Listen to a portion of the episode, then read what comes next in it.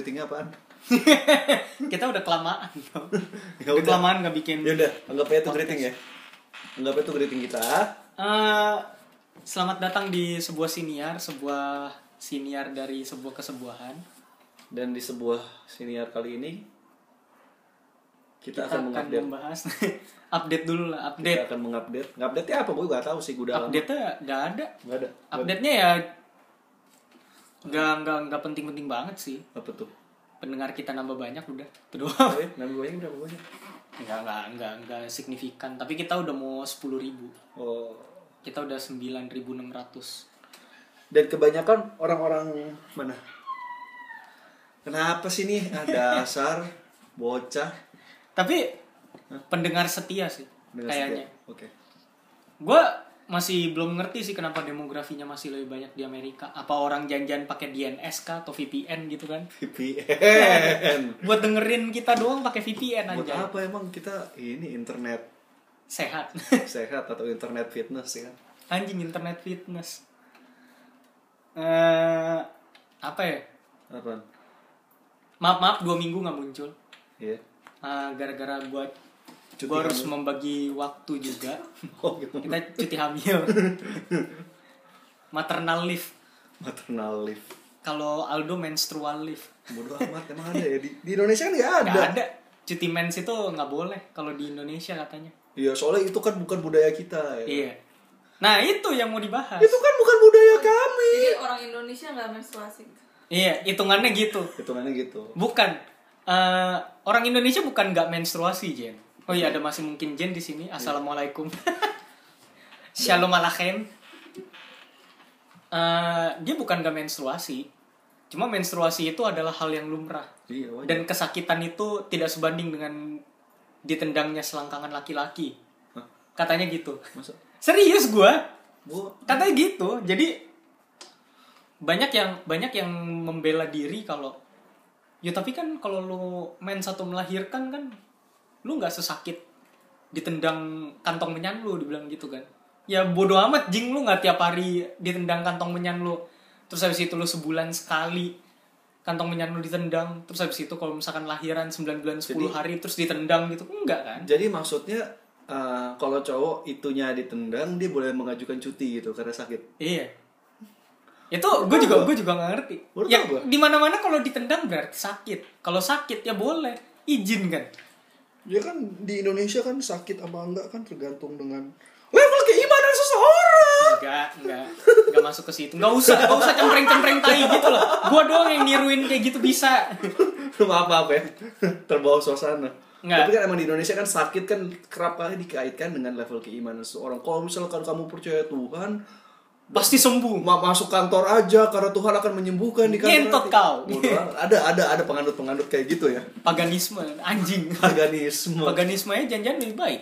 iya nggak tahu sih itu penganut apa ya Tapi eh apa ya? Zaman zaman dulu, zaman kita di sekolah itu ada yang lebih aneh lagi. apa tuh Sakit dilihat dari tampang. iya Serius kalau lu di sekolah coba aja Jen. Lu pernah nggak Jen izin sakit terus habis itu dilihat ah kamu nggak apa-apa ini udah masuk kelas lagi gitu kagak dikasih pulang. Iya, bener, bener. Iya kan? Gue juga beberapa kali kayak gitu. Jadi harus acting. Jadi harus acting. Actingnya sok-sok lemah, bibir pucet gitu kan. karena drama dan segala macamnya adalah budaya kami Bukan karena drama dan keributan itu budaya orang Indonesia. memang Serius. Nih, lu pengen Indonesia damai, tapi di sisi lain lu selalu ngomong kalau di sosial media saya suka keributan. Iya. Jadi lu maunya apa? iya Itu nggak jelas. Gitu. Terus abis itu harusnya ya abis nanti kan anak SD kan tadi kan pura-pura sakit kan. Iya. Tahu begitu nggak didapati di- dicek dokter atau dibawa gurunya ke rumah sakit terdekat atau puskesmas atau UKS sekolah ditemenin sama gurunya wali kelasnya gitu dan didapati dia nggak sakit dia melakukan apa klarifikasi Jadi guys, eh, karena banyak yang nanya, gue bakal bikin klarifikasi. Gak ada yang peduli anjing. dia akan bikin klarifikasi itu Tapi kan serius deh, gue masih nggak habis pikir sama vlog yang dua pacaran yang putus itu. klarifikasi Gak ada yang nanya anjing. Tapi dia tiba-tiba bilang karena banyak yang nanya guys. Eh, banyaknya itu di dalam benaknya gitu Enggak banyak mungkin di fanbase dia memang gitu. emang ada fanbase ya Ya ada lah kalau kayak gitu, makanya mereka berani bilang banyak kan. oh iya iya Tapi banyaknya berapa sih gitu kan? Jangan-jangan Anda mungkin beli subscriber. Ya, bisa jadi Terus kan yang- gue juga nggak tahu Terus yang melihat lima orang lima orang nanya di Instagram kak kenapa putus gitu terus tiba-tiba karena banyak yang nanya gue bakal kayak gitu-gitu ya. tapi memang eh, orang Indonesia itu suka drama sama keributan Memang. nggak tahu kenapa Memang.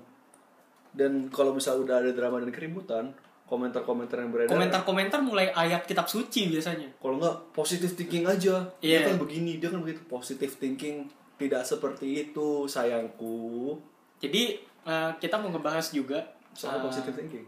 soal positif. Sebenarnya topik utamanya adalah soal positive thinking lah. Tapi itu bridging dari awalnya Iya. doang sebenarnya.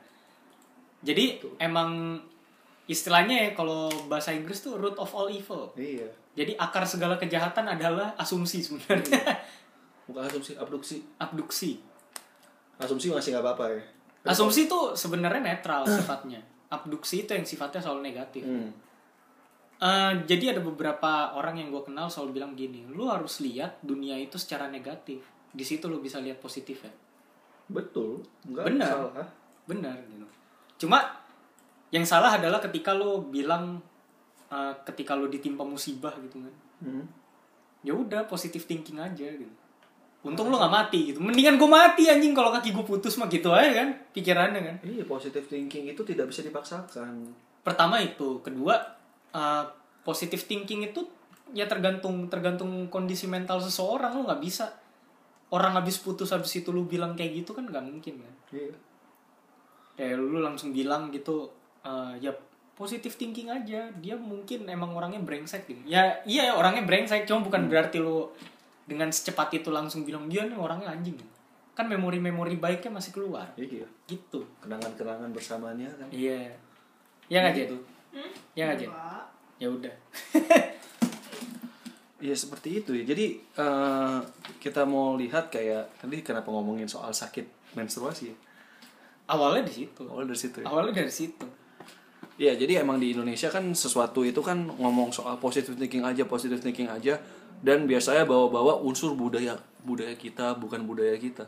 sama ajaran iman Ajaran iman atau tradisi Ada. kita nggak kayak gitu, ada. tradisi budaya kita tuh apa ya kalau menurut gue sih ada salah satu jargon orang Indonesia yang paling tidak efektif dan gak ada maknanya Apa? gak ada poinnya Kebersihan awal dari apa sebagian dari iman. bukan Oh. kalau itu benar Apaan makanya?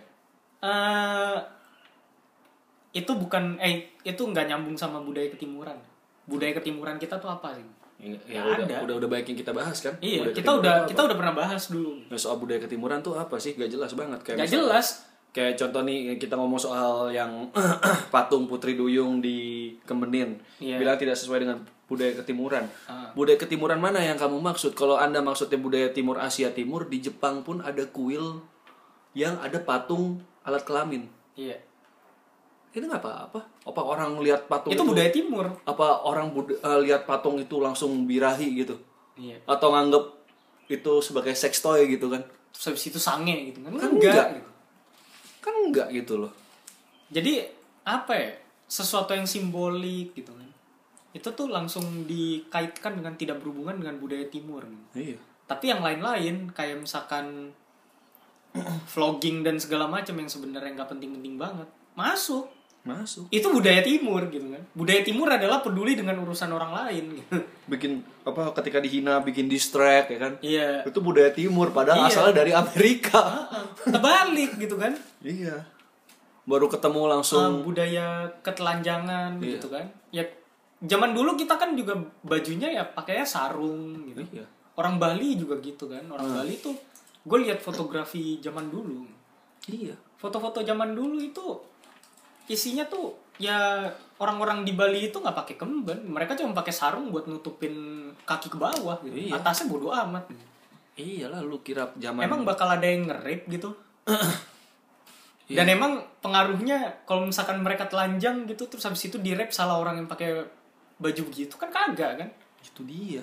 Nah itu, itu, masalah lakinya gitu kan. Itu masalah manusianya yang merkosa gitu. Kalau soal-soal begini soal kasus KDRT kekerasan dalam pacaran kekerasan dalam apa rumah tuh? tangga. PKS ya? KS apa peno apa tuh Jen pelaku yang kekerasan seksual. yang RUU itu? Hmm, undang-undang. Ah, ah, PKS ya? Penghapusan kekerasan seksual. Iya penghapusan Iya. kekerasan seksual kan. Jadi tuh gue uh, sempet sempet dengar dari satu gue nggak gue males lah uh, nyebut namanya. Dia tuh ngomong Jen di TV Jen. Dan ini menjijikan banget. Uh, ini pemuka agama terus dia ngomong gitu ngomongnya gini. Kalau misalkan cowoknya nafsu cowoknya lagi pengen cewek itu harus nurut. Kalau dalam hubungan suami istri harus kayak gitu. Ya menurut lo aja jing gak bisa lah kayak gitu. Lo nggak boleh maksain gitu. Itu harus konsensual ya nggak Jen Hmm. di luar dari konsensual mau suami istri atau pacaran itu namanya rape. Nggak peduli sama status gitu kan? Iya. Terus nanti habis misalkan di rape yang ditanya apaan? Tapi Enak. enak gak Heeh. force positivity. Iya. Kurang ajar ngambil hikmah. Padahal kalau misalkan enak berarti bukan diperkosa karena kamu pengen. Mu bajingan kayak gitu kan? Nah kan komentar-komentar positif thinking aja positif thinking aja positif thinking aja di kasus-kasus begini positif thinkingnya di mana ya Iya, ya itu yang kalau misalkan ditanya tuh kayak youtuber dari Amerika kan ada tuh Rice Gum itu kan, Hah. yang ceritanya dia lagi ngobrol sama cewek kalau nggak salah lagi stream game gitu. Mhm. Terus eh, dia ngomong Jen si Rice Gum ini, lo emang bener udah pernah di rape gitu kan? Ceweknya bilang iya. Terus dia pernyataannya, but is it good though gitu. Apaan sih kayak gitu gitu kan? Di Indonesia, ya di Amerika pernyataan itu adalah pernyataan yang bener-bener apa ya brengsek banget gitu kan? Asshole banget. Di Indonesia itu satu hal yang istilahnya secara tanda kutip lumrah buat orang-orang yang diperkosa. kalau misalkan ada yang ngomong kayak gitu ya lu ibaratnya kayak gini deh kayak lu punya barang kesayangan lu taruh lu punya komputer atau lu punya mobil. Terus eh kerampokan. Raib lah dicuri orang. Pas lu lapor polisi polisi yang ngomong positif thinking aja. Itu kan tandanya ada yang memperhatikan kamu dan beserta harta hartamu Lagian kamu nggak mati kan? lagian kamu gak mati kan Nah itu. Ah, lu kalau lihat polisi dengan lu bayangin lu di posisi yang kehilangan dan ketemu polisi atau ketemu pihak berwajib ngomongnya kayak gitu positif thinking aja positif thinking aja udah bagus kamu nggak ini udah bagus begini Iya. positif thinking tidak seperti itu Positive thinking adalah ketika lu melihat hikmah dari kejadian yang ada, bukan disuruh sama orang, tapi lu sendiri yang mikir. iya jadi Apalagi kalau itu kesalahan lu. jadi dalam dalam konseling itu ada namanya reframing ya. Reframing itu juga bukan dipaksain. Reframing itu adalah kayak lu ngelihat satu gambar ah, bukan ya taruhlah panorama pemandangan gitu ya. Lu melihatnya dari sudut lain. Misalnya ada gambar gunung matahari dan sawah gitu kan. Anjir. Gambaran- Gambar anak SD. anak SD gitu kan. Tapi lu lihatnya dari sudut pandang lain. Dan lu bisa melihat sesuatu dari situ. Itu disebut reframing.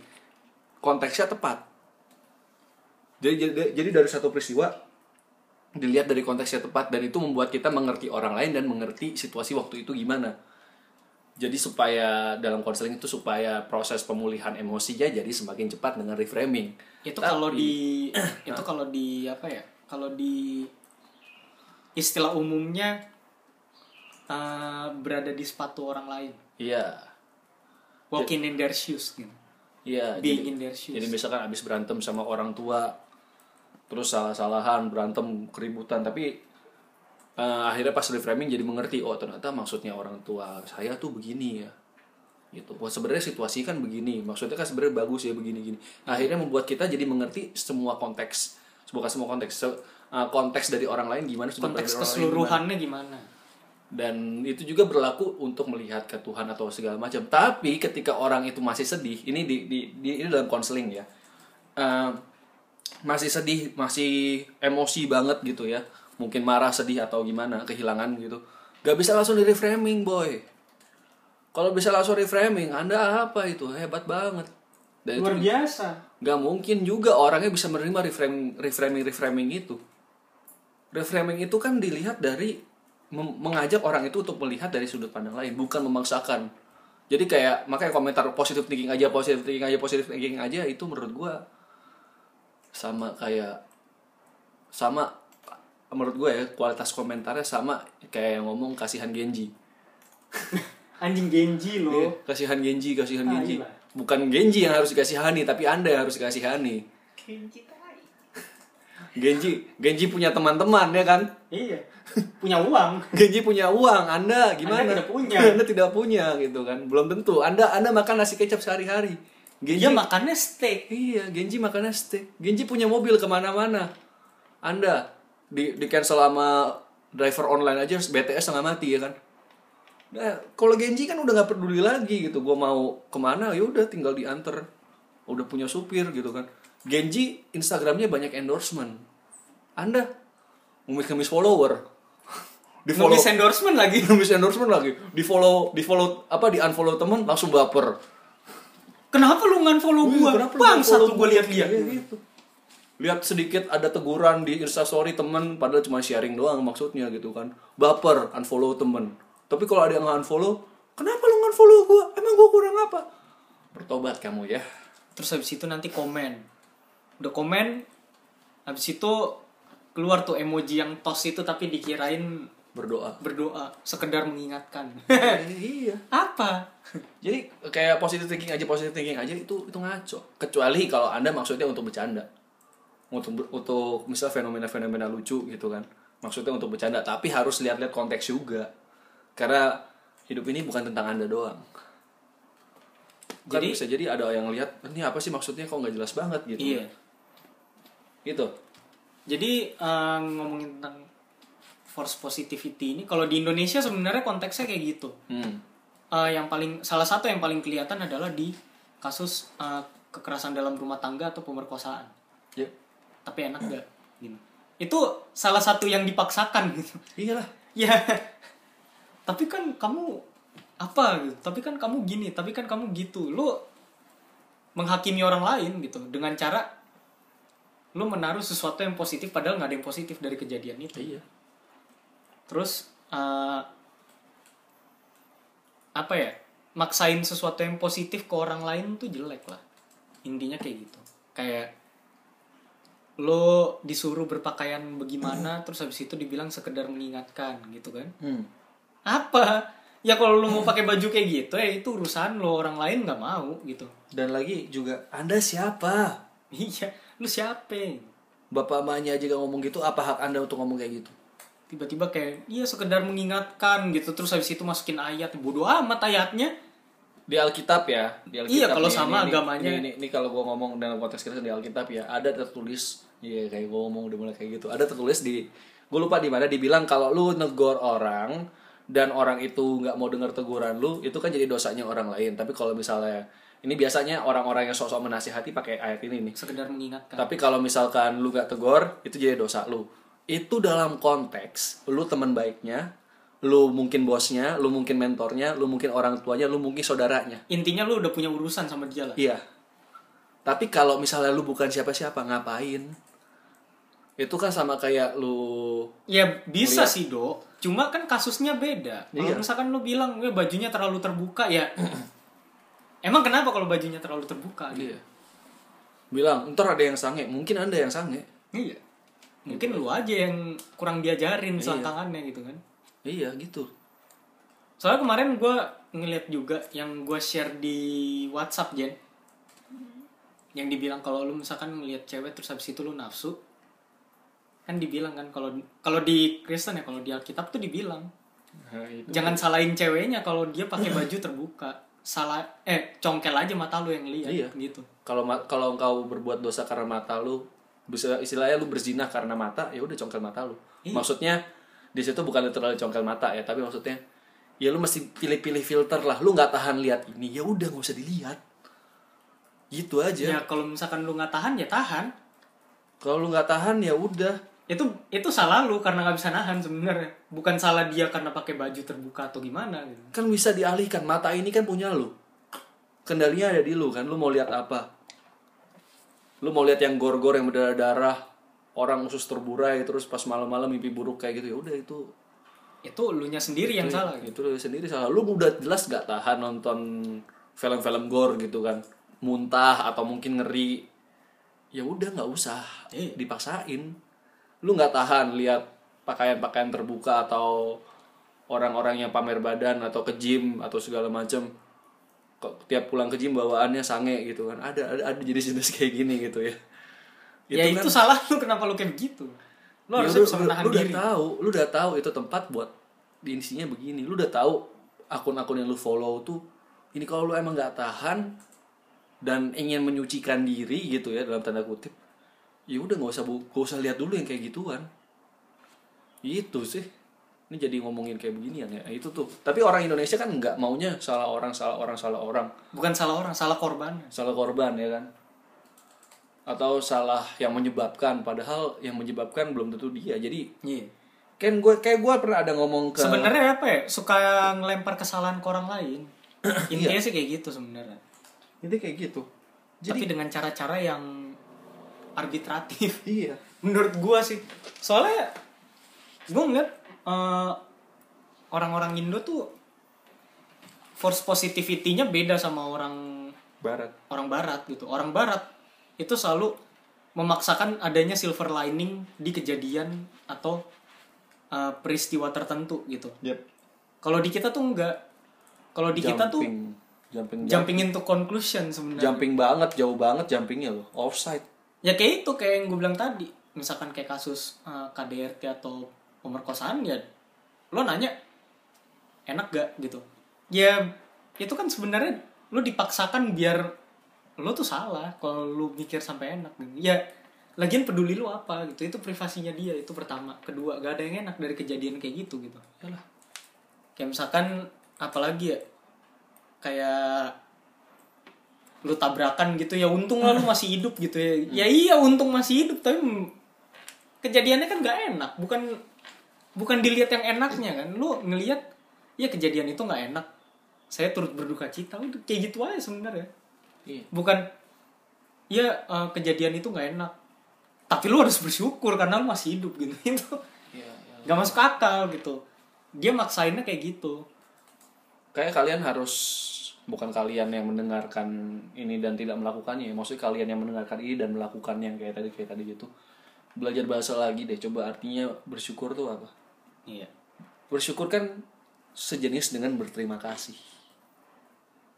Berterima kasih itu kan lu dapat sesuatu lu berterima kasih karena itu lu anggap sebagai sesuatu yang menguntungkan lu sebagai sesuatu yang membangun lu atau menyenangkan lu. Kalau misalkan itu lu nggak ngerasa itu menguntungkan nggak merasa itu menyenangkan nggak merasa itu berfaedah buat diri lu ngapain berterima kasih? Apa yang mesti diterima kasihin? Kan terima kasih menerima kasih ini yang lu terima emang kasih. Kan orang diperkosa orang kemalingan barang orang kecelakaan. Itu di itu kasih kayak gitu. Apa mungkin itu bahasa kasih lo kali? Kalau misalnya ngomong five love language ya mungkin ada yang bahasa kasihnya di sini di- dikatain. Ada yang bahasa kasihnya di sini di di ditabokin orang gitu ya. Ya tampar aku bahas tampar ya kayak gitu, maso jadi. Mungkin bahasa kasih lu kali kayak gitu. Diperkosa itu mungkin itu bahasa kasih lu itu diperkosa. Ini buat yang sekali lagi gua garis bawahi bukan buat semua pendengar yang mendengar dan yang melakukan yang tadi kita sebutin. Itu bahasa kasih lu kali. Bisa jadi loh. Ayo coba aja lihat bahasa lima bahasa kasih. Nggak ada bahasa kasih dibully itu nggak ada. Itu cuma candaan gua doang ke teman-teman. Iya. Kalau oh, bahasa kasar lu dibully ya soalnya lu terlihat menikmati. Itu kan tapi bercanda konteksnya tapi bukan untuk karena gue udah kenal dengan orang ini gitu. dan orang itu nggak apa-apa ketawa-ketawa aja tapi kalau nggak kenal tiba-tiba dibully tuh anjing iya sih. kalau lu nggak kenal tiba-tiba komen kayak gitu ini kira ngomong kasusnya bully bully bully bukan bully yang disuruh perundungan. bukan yang disuruh jilat sepatu atau apa gak kayak kayak gitu ya. Tapi bully yang ceng-cengan aja lah. Ceng-cengan gitu kan. Gitu. Kayak gitu. Ya jadi kan terima kasih gitu loh. Mana ada orang emang ditabrak mobil itu bentuk kasih gitu. Aku mengasihi dia makanya aku menabrak, menabrakkan diriku pada dia gitu. Nggak ada kan aku mengasihi dia makanya aku mencelurit lehernya Gak Gila. gitu. Gila apa? Gila apa? Mengasihi kau kayak begitu gitu. Aneh banget lah. itu nggak nggak apa ya nggak relevan gitu Aneh. Gitu ya. Jadi ya elah. Positive thinking aja. Ya sekarang juga positive thinking aja. Gak usah deh kasus-kasus yang gede lah kecopetan Nah, ya tapi kan untung lu nggak dicelurit. Mendingan dicelurit anjing sekalian setengah-setengah lo gitu. Kan kesel kan yang kayak kalau gitu-gitu. kalau orang-orang yang udah agak-agak pesimis sama dunia tuh gitu ya udah mendingan gue mati sekalian gitu kan. iya capek Capek di- gua diginiin dirampok doang gitu kan. Iya. bunuh sekalian bunuh. Ya ntar kan pernah ada kan komik di apa eh gue lupa di Nangis apa di mana gitu ada ada yang nodong harta atau nyawa gitu. Terus bunuh aku bunuh aku Sa- aku udah lem- udah lelah di dunia ini. Bunuh aja bunuh. Ambil semuanya. Terus penjahatnya kayak kasihan. Gitu malah meluk udah sabar ya. Nggak apa-apa nggak apa-apa. Penjahatnya jadi kayak gitu gitu. Penjahat bahkan punya empati lebih Iya, daripada iya. orang-orang iya tapi lu bukan penjahat. Apalagi yang sering embel-embel agama malah nggak punya empati itu gimana. Lu ngerasa kalau lu tuh udah bener banget gitu kan nggak bisa. Ya nggak Jen? Diem aja dari tadi. Diem diem baik ngopi ngopi. Itu ya jadi ya gitu sih. Jadi banyak hal yang aneh dah. apa ya menurut gue orang Indonesia tuh salah iya. mentranslate menterjemahkan itu. Iya. Kayak misalkan ya positive thinking ya positive thinking itu bukan berarti lu harus setiap saat gitu iya. Yang yang apa ya? Yang aus tai. Yang haus yang haus. Nah maksudnya yang, yang penting itu bukan eh, pada saat lo jatuh gimana caranya lo eh, berusaha sepositif mungkin biar lo nggak terganggu. Enggak. Tapi gimana cara lo meratap habis itu bangkit. iya. Yang penting itu bangkitnya.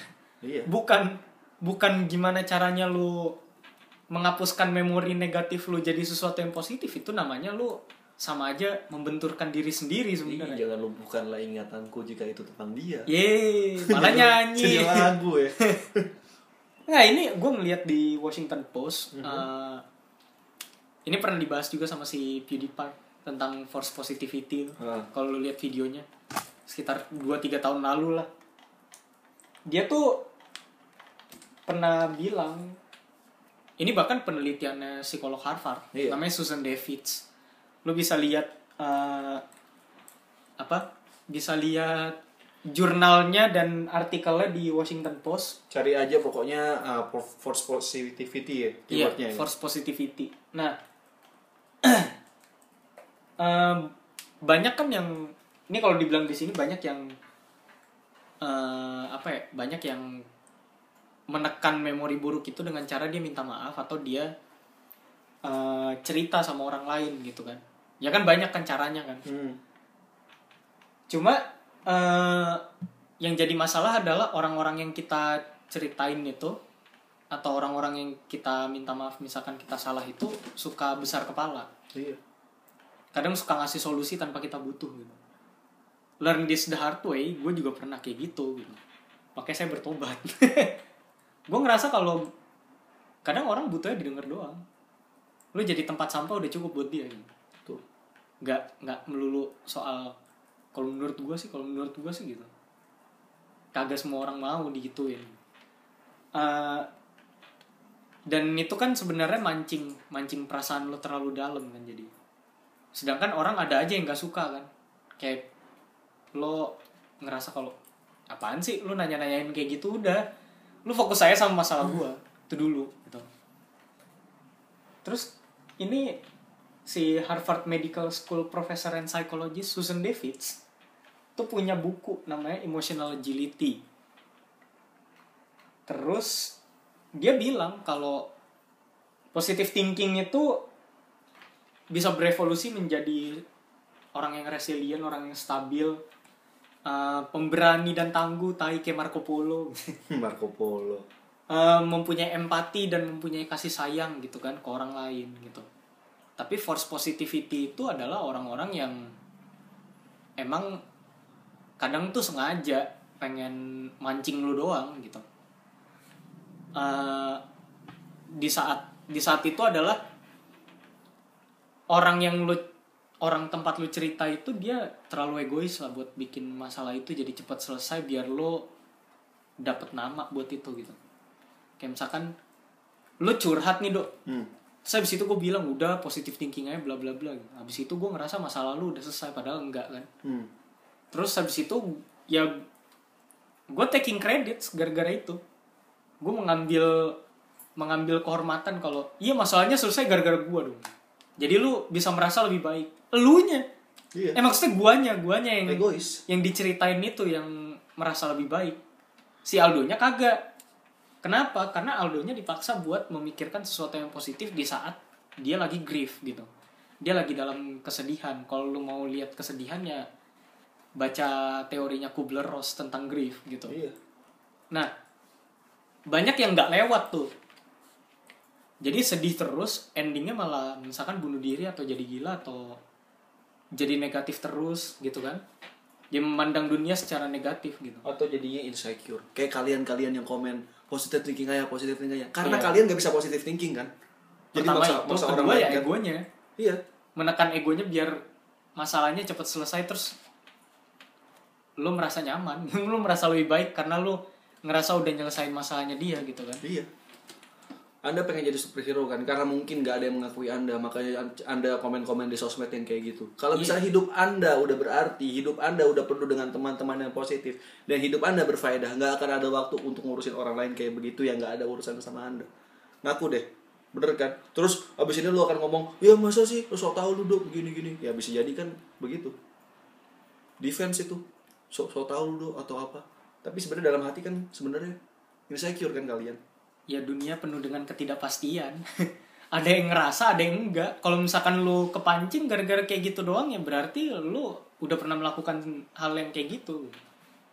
Iya. being defensif gitu. Jadi orang yang sangat-sangat defensif buat hal-hal yang kayak gitu. Ya balik lagi gue belajar ini dengan cara yang cukup keras gitu kan. I learned the hard way. iya ada ada konsekuensi dan hukuman buat diri gue sendiri gara-gara hal itu Eh, ya akhirnya ya gue belajar buat mengerti kalau orang itu bukan butuh solusi doang kadang butuh kuping doang gitu. Lu Iya. jadi tempat sampah lu jadi pusat curhatannya dia karena mungkin nanti dia bisa balik lagi who knows gitu kan Atau- Maksudnya balik lagi bercurhat gitu kan Atau kalau misal kalian yang pengen jadi dalam tanda kutip pengen jadi pahlawan dengan orang-orang itu ya. Sebenarnya simpel aja yang kalian ini. Kalian dengerin. Kalian kasih kalau misal kalian malas ngomong daripada atau apa istilahnya salah ngomong atau gimana, kasih minimal gesture kasih minimum gesture atau misalnya ba- baca nih kan susah ya Eh, kasih aja artikel kasih aja mungkin video atau mungkin kutipan bukan kutipan sih eh, cuplikan video mungkin ada seminar motivasi kah khotbah kah dakwah kan oh jenisnya quote motivasi jangan quote motivasi gitu ya. Maksudnya orang yang ngomong ngejelasin mungkin 10 menit atau berapa video uang selalu benar. Uang ay, selalu- ay, ay, ay. Mr. Crab itu. Kirim aja ke dia kayak gitu. Daripada kasih komen yang gimana gimana tapi itu aja sebenarnya 50-50 lah. Ada bahayanya juga. Jadi mendingan lu kayak lebih baik ngomong apa ya orang orang tuh ada gesturnya kalau misalkan mau ngasih eh mau minta pendapat. Beda sama orang yang pengen didengerin doang. Iya. orang yang pengen didengerin bakal bilang gue pengen cerita. Biasanya. Tapi ya itu balik lagi. Hidup kita penuh dengan ketidakpastian Bray. Jadi beda-beda nih. Iya. Nggak semua orang kayak gitu. Eh, ada juga kalau misalkan orang minta pendapat ya eh menurut lu gimana ya? Iya. Eh gue minta pendapat lu nih kalau misalkan lebih terang-terangan gitu kan. Banyak macam-macam cuma harusnya kita sudah menangkap hal-hal seperti itulah itu gestur yang simple Padahal kalau misal kalian nggak bisa, ditolak aja baik-baik. Sorry, gue lagi nggak bisa nih, lagi begini, lagi ribet. Iya. Tapi kalau misalkan lu punya severe kompleks, nah itu, itu beda lagi. Iya. Atau lu pengen, lu emang pengen eh, apa ya, membuat semua orang nyaman di sekitar lo, ya itu beda cerita. Lo bisa menampung biarpun lu stres. Iya. Tapi ya itu balik lagi, lu harus pikirin diri lu juga stres apa kagak gitu kan. Iya. Gitu. Gitu. banyak hal yang bikin apa ya bikin positive thinking berubah jadi force positivity cuma gara-gara diksi kalimat Iya. pembe- eh, apa pemilihan kata-kata gitu kan dan apa ya banyak banyak juga orang-orang yang salah ngerti ketika dia minta pendapat dia malah dikasih puk-puk di pas dia Minta pupuk malah dikasih minta pendapat. pupuk dikasih pendapat gitu kan. Tuh kayak lu minta nasi goreng dikasih mie goreng gitu. nggak nyambung gitu itu kan. kayak lu minta nasi goreng dikasihnya nasi goreng tanpa nasi. Goblok gorengnya doang. Iya. pisang tempe. Tai lu. Nggak, tapi nggak nyambung. Ya jaka sembung aja jadinya ya kesembung bawa. Goblok gak nyambung golok. Ya kesembung bawa kembung. Enggak jaka sembung bawa parang. Gak nyambung kampang. Kayak gitu ya. Tawa lu Jen tawa lu. Enggak. tahu jangan jangan jangan tersenyum senyum simpul seperti itu. Enggak, simpul apa? Simpul pramuka? Apa? Simpul pramuka. Simpul pramuka anjir yang jadi mawar ya. Emang ada yang jadi mawar? Ada tanya si Jen dulu pramuka ada nggak Enggak. yang itu loh yang simpulnya yang di yang Oh, dasi iya, iya. dasi oh, dasi- cewek oh dasi terus dari situ pramuka. nanti iya dasi pramuka tuh Dari si cewek cowok enggak? dasi cowok nggak bisa dasi cowok mah buat sepletan iya buat selepet selepet Bukan sama. enggak lah dia Enggak, bentuknya beda. kan kalau kalau dasi cewek itu garis panjang gitu Heeh, kalau kalau dasi dasi cowok- cowok tuh segitiga kotak. kalau enggak kotak kotak terus Iya. dilipet iya dilipat dua dilipat lagi iya kenapa jadi dasi pramuka terus anjay? dasi sepletan petak dia. Iya tapi lebih enak dasi digunting terus dari situ nanti ada rumbainya. Iya itu zaman dulu banget anjir. Ada suaranya ya cetar gitu. Kalau lu bakar tapi nggak ada rasanya. kalau lu bakar depannya tuh nah. rumbanya lu bakar lebih sakit. Ya iyalah padat. Anjing banget. Ada soalnya temen gua waktu itu. Ya udah ini kenapa jadi ngomong sepletan sih ya? Nggak jelas sekali kawan tapi bener bener. Di ju- ji- mungkin jiwa lu butuh diselepet.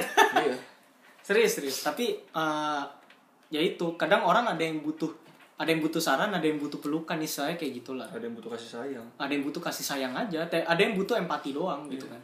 Nah itu yang kelihatan antara lu berempati beneran lu memberikan positive thinking buat dia atau force positivity yang bikin orang jadi nggak nyaman gitu kan. Iya itu banyak kejadian gitu.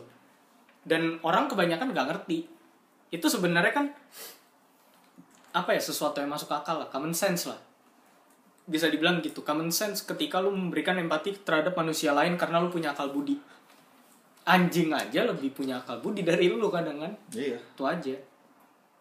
Jadi kalau anjing aja bisa mengerti orang lain. Bahkan anjing aja bisa mengcomfort manusia yang lagi sedih iya. kenapa lo nggak bisa gitu? Iya. Itu ya. Terus apa lagi? Jangan gibahin orang. Tapi bener force positivity itu salah satunya di Indonesia toxic banget itu gibahin orang. Gibah ya? Iya. Julid apa gibah? Dua-duanya julid sama gibah. Apa ya gue gue ngelihat lo tau gak sih lo ketika lo ngebandingin satu orang dengan orang lainnya terus habis itu ya biar jangan kayak dia. Itu kan force positivity kan? Iya. salah satunya kan? Misalkan eh, ada orang ketabrak bukannya nyelamatin diri malah nyelamatin anaknya. Itu goblok banget sih gitu kan? Nah, jangan kayak dia ya lain kali lu harus nyelamatin diri lu sendiri juga gitu. Itu kan force positivity sebenarnya. Tapi lu ngambil contoh dari orang lain yang punya kemalangan tuh bajingan kan? Gitu. Tapi kalau ngebahas perilaku orang Iya ngebahas perilaku orang gitu. Misalkan kayak apa ya si Jen nih suka ngupil sembarangan gitu kan. Hmm. terus habis itu bekas upilnya ditaruh di bawah meja. Lu jangan kayak gitu ya gitu. Lu harus lebih positif. Kalau misalkan ngupil pakai tisu gitu. oh jadi Ada, lu- jangan kayak gitu. Iya, lu tuh bikin bahan perbandingan. Itu tuh bahaya sebenarnya. Lu bisa bikin orang lain benci sama orang itu.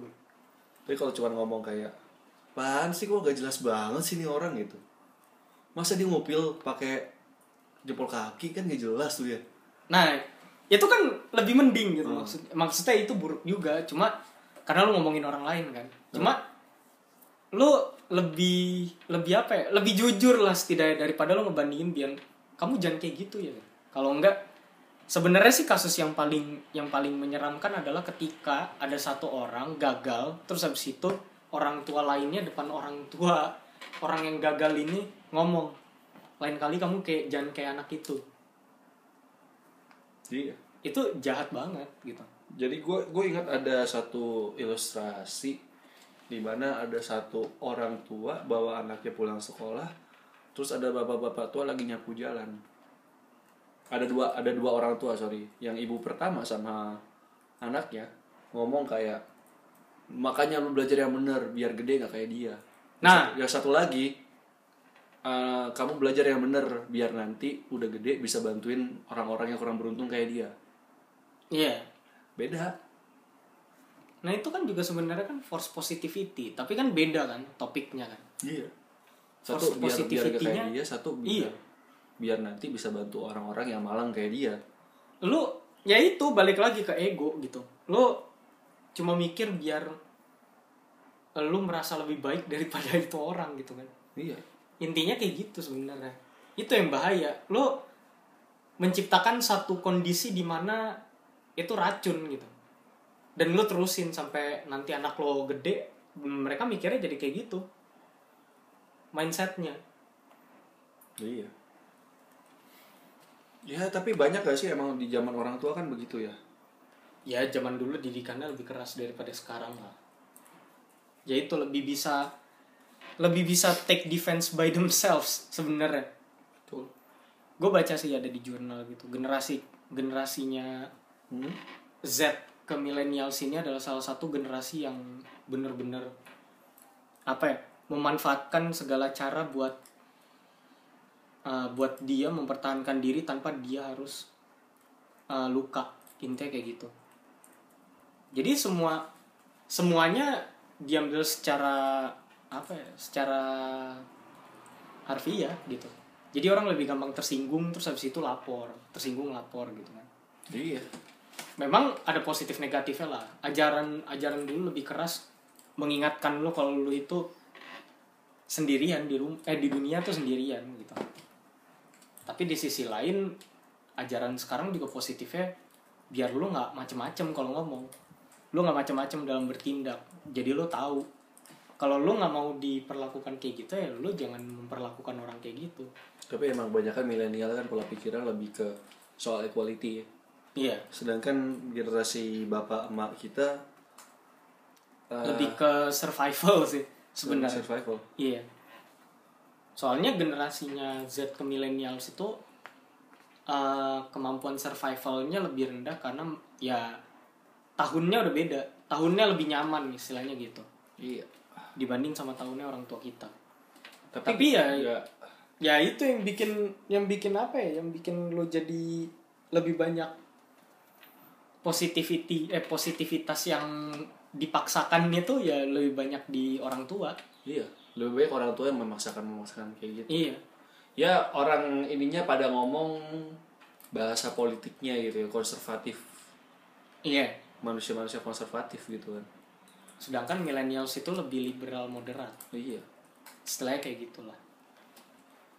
ya konservatif tapi ada juga yang force positivity-nya radikal Mm. radikal double standar mending kalau radikalnya bener ini radikal double standar ini kan ngawur jadi sebenarnya ya kalau misal kita bahas radikalisme ya radikalisme itu buat dirinya doang sebenarnya berlaku Itu mempertuhankan ego, bukan mempertuhankan Tuhan. Istilahnya kayak gitu.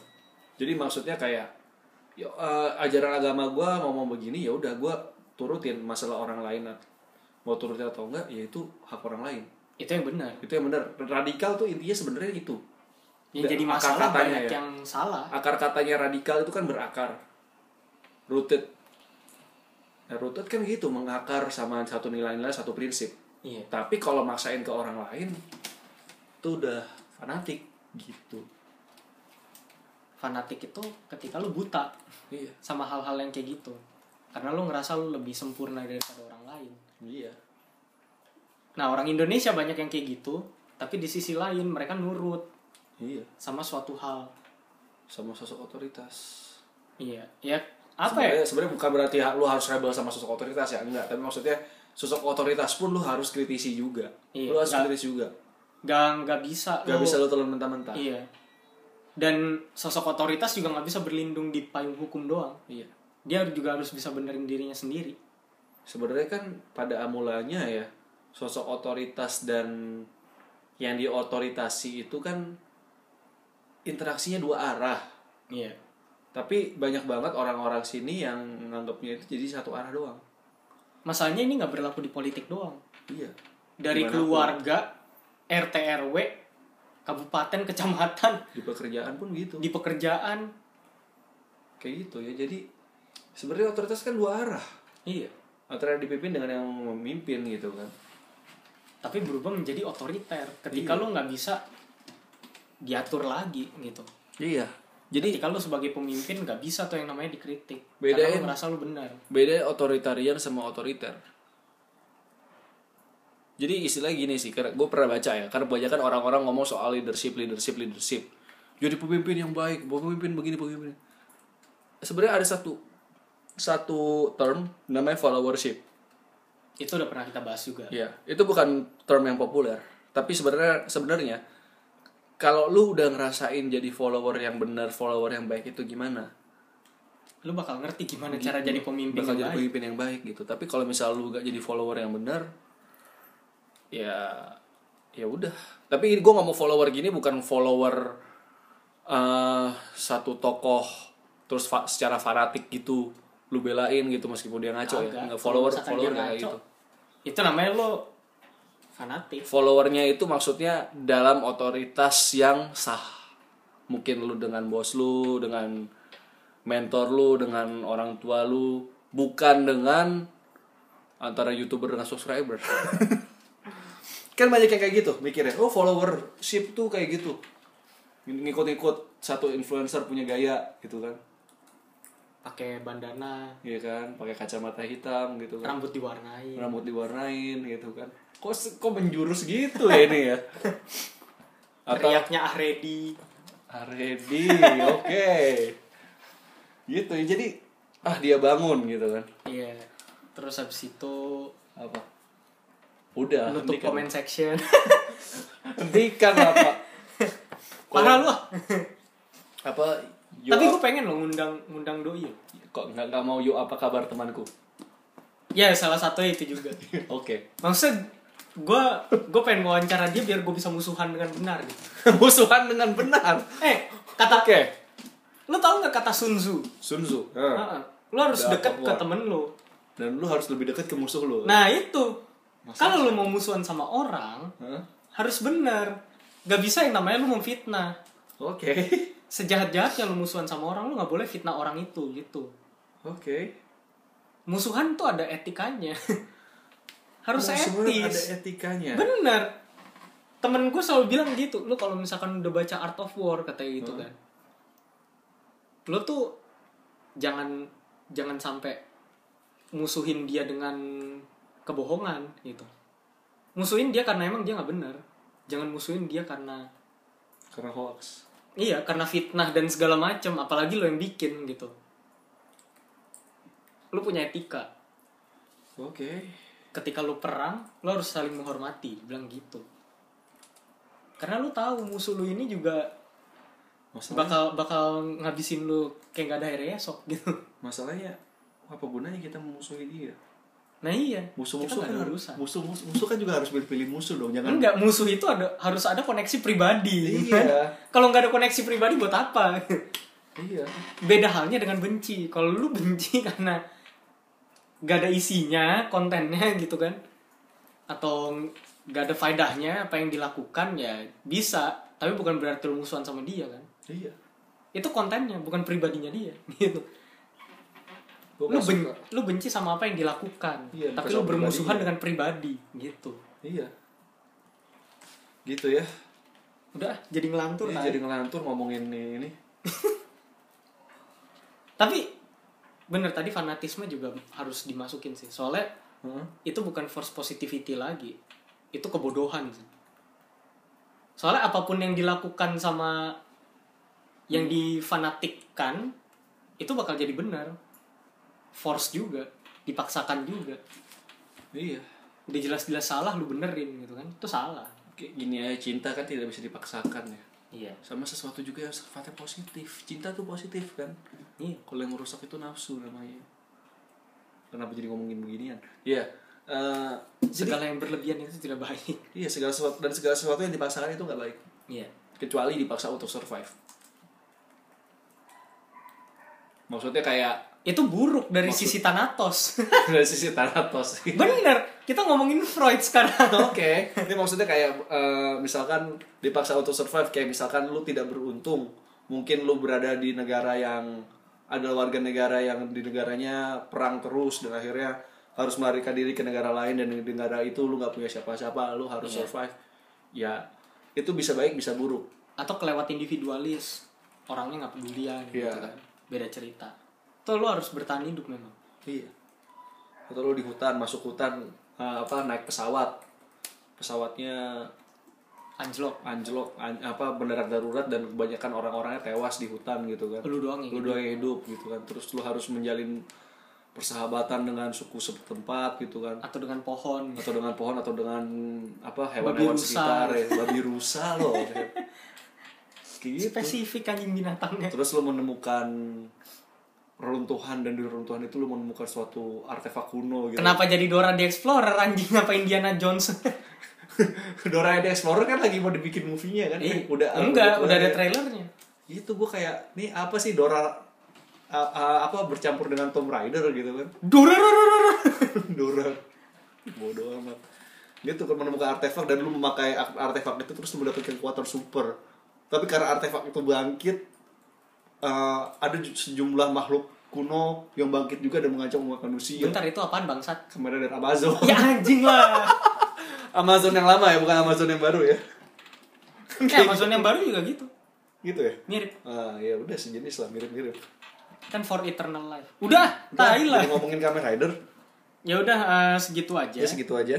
Eh, kesimpulan dah kesimpulan. Kesimpulan. Kesimpulannya. tadi sebenarnya udah sih udah, Udah disinggung udah- udah sama. Aldo juga segala sesuatu yang dipaksakan itu nggak baik Ya. itu salah satu poin utamanya Iya. kedua nggak semua orang mikir sama kayak lu Iya. jadi lu jangan jangan berusaha mengubah pola pikir mereka menjadi sesuatu yang positif ketika mereka lagi dalam masa berkabung Iya. gitu. atau dalam masa-masa yang sangat negatif gitu nggak Iya. bisa betul intinya sih gitu jangan memaksakan kehendak lu ke orang lain biar lu ngerasa lebih baik gitu iya betul itu namanya egoisme bukan membenarkan iya bukan membetulkan bukan memperbaiki. Iya tuh ya udah segitu aja, aja. Ehm, jangan lupa mendengarkan episode-episode sebelumnya. Dan Terus- episode berikutnya juga tuh dan episode berikutnya juga. Jadilah pendengar setia kami hanya dengan 10 dolar. Dan juga diskon 10 dolar untuk pendengar pertama. Oh iya. Gratis. gratis gratis ya udah segitu aja lah. Oke udah. Eh, belajar jadi manusia. Sampai jumpa di episode berikutnya dan sebelumnya. Bye-bye.